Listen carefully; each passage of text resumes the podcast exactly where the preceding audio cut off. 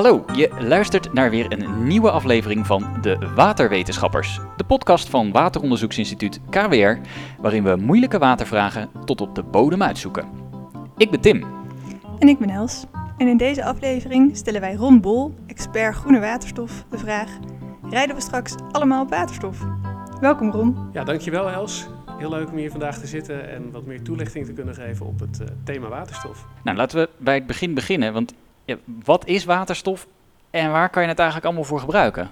Ja, waterstof is een, uh, eigenlijk een uh, gas. En dat is een gas wat je op allerlei manieren kunt gebruiken. Ja, eigenlijk zit het al in je vraag, Tim. Het is heel erg veelzijdig. het wordt nu al jarenlang, of beter gezegd decennia lang, wordt het al in de, in de, vooral in de chemische industrie toegepast. Daar wordt het gebruikt voor onder andere de productie van kunstmest of raffinageprocessen. Um, maar nu we met de energietransitie bezig zijn, is gebleken dat je waterstof eigenlijk op andere manieren ook heel erg nuttig kunt gaan inzetten. Bijvoorbeeld om um, hoge temperatuur te produceren voor ook het gebruik in de industrie, om woningen mee te verwarmen. Je kunt het in voertuigen gebruiken. Dus eigenlijk is het een, een een gas wat je op heel veel manieren kunt inzetten. Eigenlijk is het een soort van aardgas, maar dan uh, zonder CO2-uitstoot. Ja, jij noemt het dus een gas. En nou ja, we zitten hier bij een wateronderzoeksinstituut. Uh, wat voor een onderzoek en misschien ook wel waarom is dat onderzoek hier uh, bij KWR? Ik denk dat dat komt omdat energie en duurzaamheid steeds um, hoger op de agenda komt te staan op, ja, binnen allerlei onderwerpen. Als je het hebt over water, dan, dan hoort energieverbruik er ook bij. En zo is er de afgelopen jaren binnen KWR al heel veel onderzoek verricht naar hoe je uh, energieverbruik op allerlei plekken kunt verminderen, maar ook uh, om te kijken hoe je meer energie binnen het energiesysteem kunt gebruiken. Ja, en nog even een aanvullende vraag, want wat heb je nou eigenlijk nodig om waterstof te maken? Ja, wat je nodig hebt om waterstof te maken is in de eerste plaats eigenlijk altijd water. Dus dat is denk ik wel een hele mooie link terug naar uh, hoe we vanuit KWR met het thema waterstof aan de, aan de slag zijn gegaan. Um, water um, heb je dus nodig, zowel als je waterstof um, produceert vanuit elektrolyse. Elektrolyse doe je door groene e elektriciteit in een zogenaamde electrolyzer te gebruiken. Dan splits je met behulp van elektriciteit water in waterstof en zuurstof. Oké, dus als je waterstof maakt, maak je ook zuurstof. Je maakt dan ook zuurstof. Dat is inderdaad een van de uh, bijproducten, zo zou je het kunnen noemen. Uh, de andere productietechniek waarvoor je ook water, uh, water nodig hebt bij waterstofproductie is wanneer je aardgas gaat omvormen naar waterstof. Op dat moment verbrand je aardgas voor, voor warmte. daar maak je stoom mee en stoom en aardgas breng je dan bij elkaar. En daarmee produceer je waterstof en CO2. Oké. Je had het net over elektrolyse en over groen, um, groene stroom. Dus dan hebben we het over groene waterstof. Ja. En wat je net beschrijft met aardgas. Ja, normaal gesproken uh, zou je dat grijze waterstof noemen. Hè? Dus we hebben eigenlijk drie kleuren waterstof, uh, zoals je aangaf. Is groen daar eentje van, je hebt het blauw en je hebt grijs. Dus alle waterstof die op dit moment in de industrie wordt gebruikt, nagenoeg alle waterstof eigenlijk, uh, en dat is uh, zo'n 1800 kiloton per jaar. Dus dat is eigenlijk al een gigantische hoeveelheid die er nu al wordt geproduceerd. Dat is allemaal grijze waterstof. Dus daarbij vorm je uh, aardgas om naar, naar waterstof. aangezien je dan nog CO2-uitstoot hebt, heb je het over grijze waterstof. Ja. De tussenvariant naar de meest duurzame vorm van waterstof heet blauwe waterstof.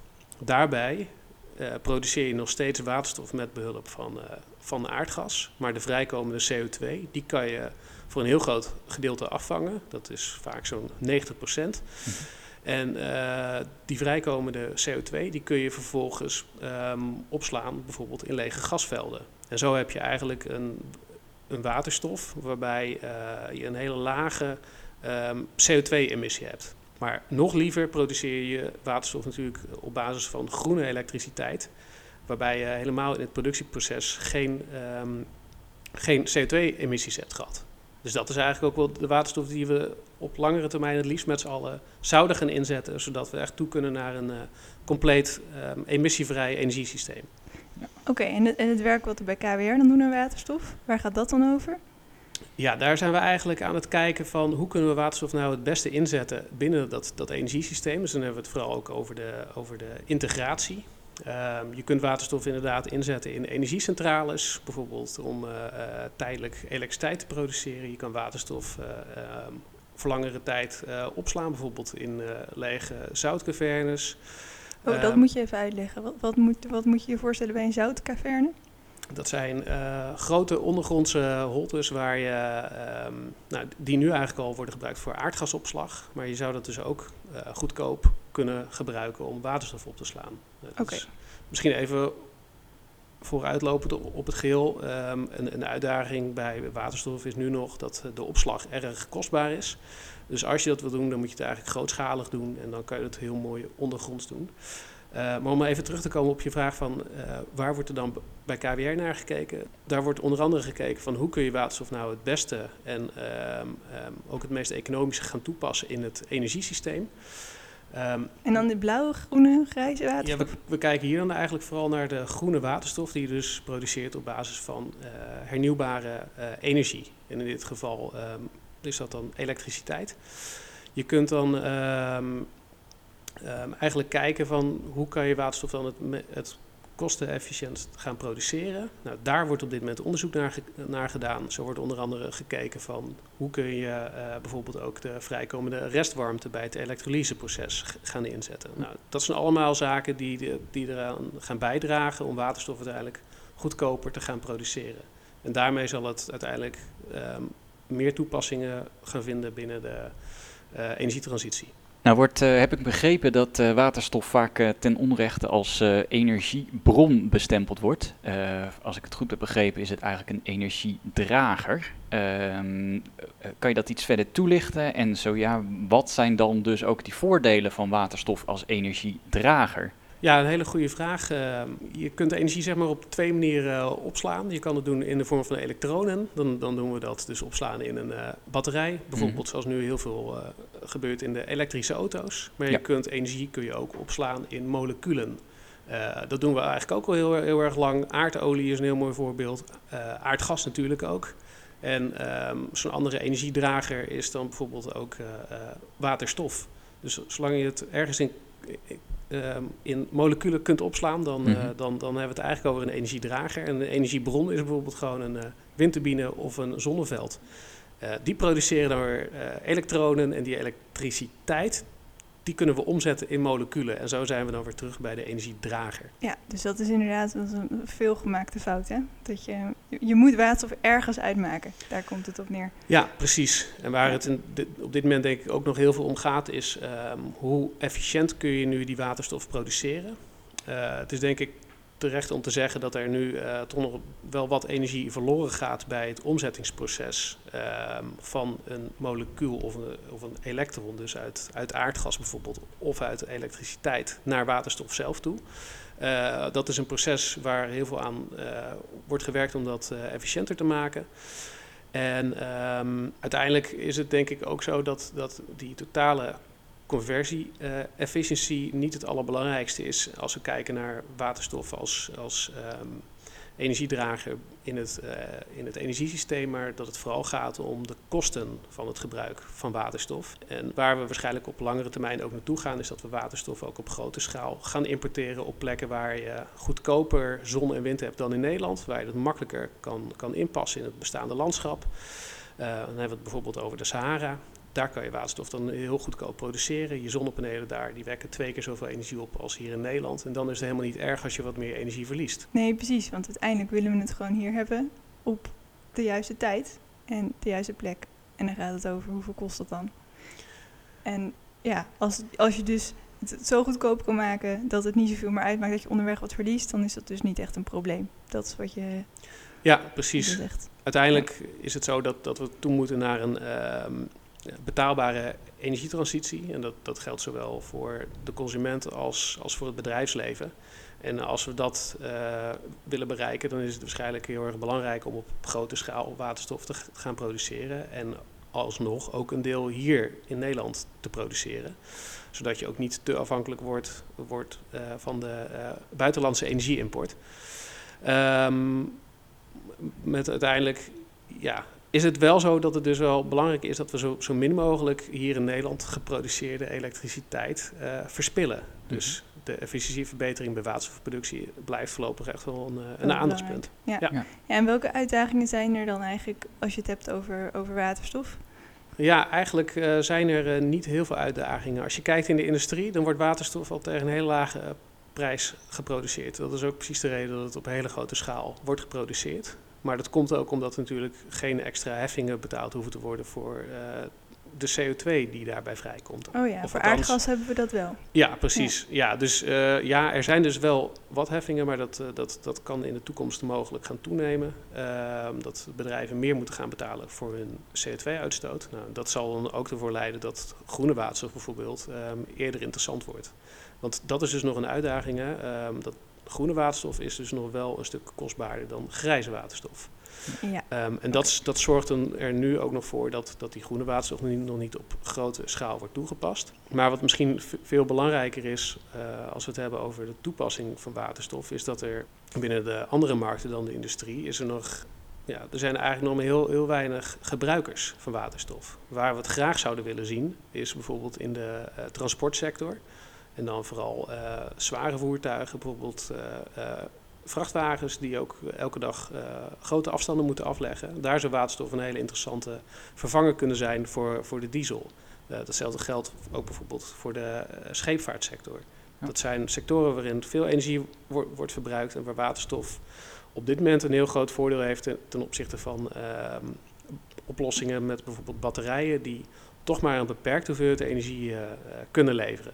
En, en daarmee komen we natuurlijk al een beetje dichter bij het antwoord dat we op onze hoofdvraag wilden hebben hè, over, de, over de voertuigen. Want ik ben wel even benieuwd, hoe werkt dan een voertuig op waterstof precies? Hè, want het is dus het is een energiedrager. En hoe draagt hij dan de energie naar een voertuig? Nou, dat is eigenlijk een beetje de omgekeerde route uh, van het productieproces. Okay. Daar hadden we het al eventjes over. Uh, aan het begin. We, ehm, als we elektriciteit uit waterstof willen gaan produceren, hè, want dat is uiteindelijk wat we willen. Zo'n mm -hmm. zo'n voertuig, zo'n voertuig op, uh, op waterstof uh, produceert eigenlijk e elektriciteit om daarmee elektromotoren aan te drijven. En in feite is een auto of een, of een vrachtwagen op, op waterstof niet heel veel anders dan een, uh, dan een auto op, op, batterijen. op batterijen zoals de gemiddelde Tesla. Mm -hmm. Bij waterstof is het dus zo dat je waterstof opgeslagen hebt in een tank aan boord. Die waterstof gaat vervolgens naar de brandstofcel. Daar reageren zuurstof en waterstof met elkaar. En uh, daarbij worden water en elektriciteit geproduceerd. Ja. Nou, dat, dat, dat water dat, dat, dat komt zeg maar uit, de, uit, de, uit de uitlaat, om het zo maar mm -hmm. even te noemen. Ja. Um, en de elektriciteit wordt dus uh, aan de elektromotoren gevoed. Ja. En eigenlijk is het dus een uh, um, elektrische auto met een, met een brandstofcel aan boord. En dan is dus de enige afvalstof tussen aanhalingstekens is dus water. Ja, het is in principe drinkbaar water. Ja, is het, uh, is het echt drinkbaar? Je moet er niet te veel van drinken, want ik geloof dat er geen mineralen en, en zouten meer in zitten. Dus uh, als je dat er uh, aan toevoegt, dan is het geloof ik wel zo ja. schoon dat je het zou kunnen drinken. Ja, precies. Het is demi-water, zeg maar, wat er uit de uitlaat komt. Ja. Ja, en, ja, je noemde al even als voorbeeld vrachtwagens en, en, en, en, en schepen. Is, is waterstof voor sommige voertuigen zeg maar, meer geschikt dan voor andere voertuigen?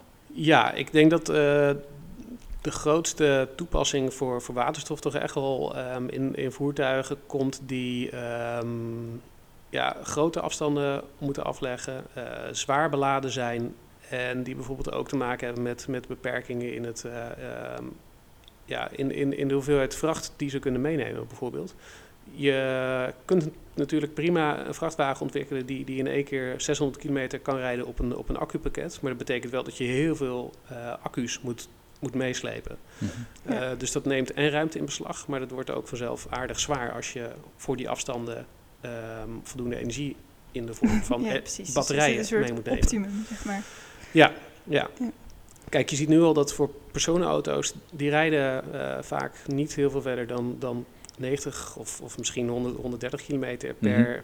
per enkele uh, uh, richting. En die hebben de, daarna vaak ook de tijd om weer een paar uur op te laden. En dan zijn uh, accu's eigenlijk hele mooie oplossingen.